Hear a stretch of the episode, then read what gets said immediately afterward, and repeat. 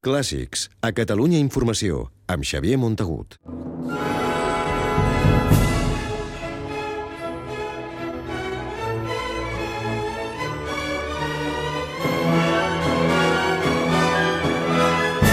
Àngel Corella ha tornat a Catalunya i per quedar-s'hi, el ballarí i director ha traslladat la seva companyia de dansa clàssica a la capital catalana, que ara ja desvinculats de Castella i Lleó ha rebatejat amb el nom de Ballet de Barcelona, i entre els projectes que Corella té entre les mans hi ha obrit dues escoles de dansa a Catalunya, una a Barcelona i una altra a Figueres.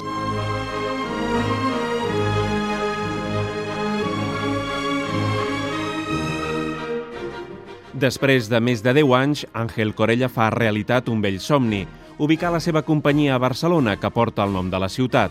El ballarí ja disposa d'un local a prop del Palau de la Música Catalana, al carrer Ortigosa, i en aquest espai hi pensa obrir al maig una escola de dansa.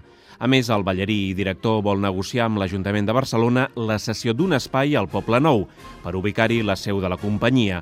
El consistori, però, hi posa condicions, entre d'altres que la companyia es quedi com a mínim 5 anys a la ciutat. L'escola de dansa a Barcelona està pensada per a tots els públics. Serà el filtre per als aspirants que vulguin entrar a la companyia.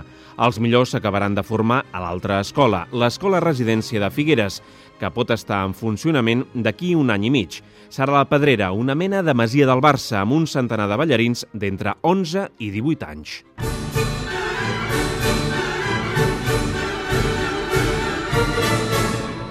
I què ha canviat perquè ara les institucions catalanes, la Diputació i l'Ajuntament de Barcelona i la Generalitat hi donin suport i abans no? Simplement el canvi de govern a la Generalitat, remarca Corella. El govern d'ara diu s'ha adonat de la importància de tenir una companyia gran amb una cinquantena de ballarins i amb projecció internacional. L'artista és conscient que el seu aterratge a Catalunya provoca recels al sector de la dansa, però adverteix que no arriben per restar en referència a les subvencions, sinó per afegir.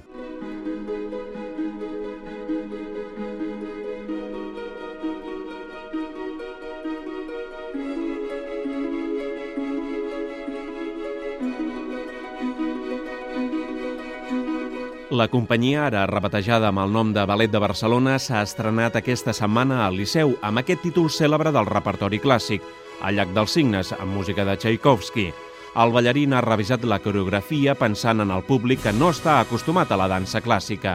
Ha escurçat a dues hores la versió original, que en dura quatre, i l'ha modernitzat però respectant l'argument. A la funció d'aquest diumenge, el mateix Àngel Corella torna a assumir el paper protagonista, el del príncep Siegfried, Dijous ho va fer al costat de Sarah Lane, la ballarina solista de l'American Ballet que va doblar l'actriu Natalie Portman a la pel·lícula Cisne Negro.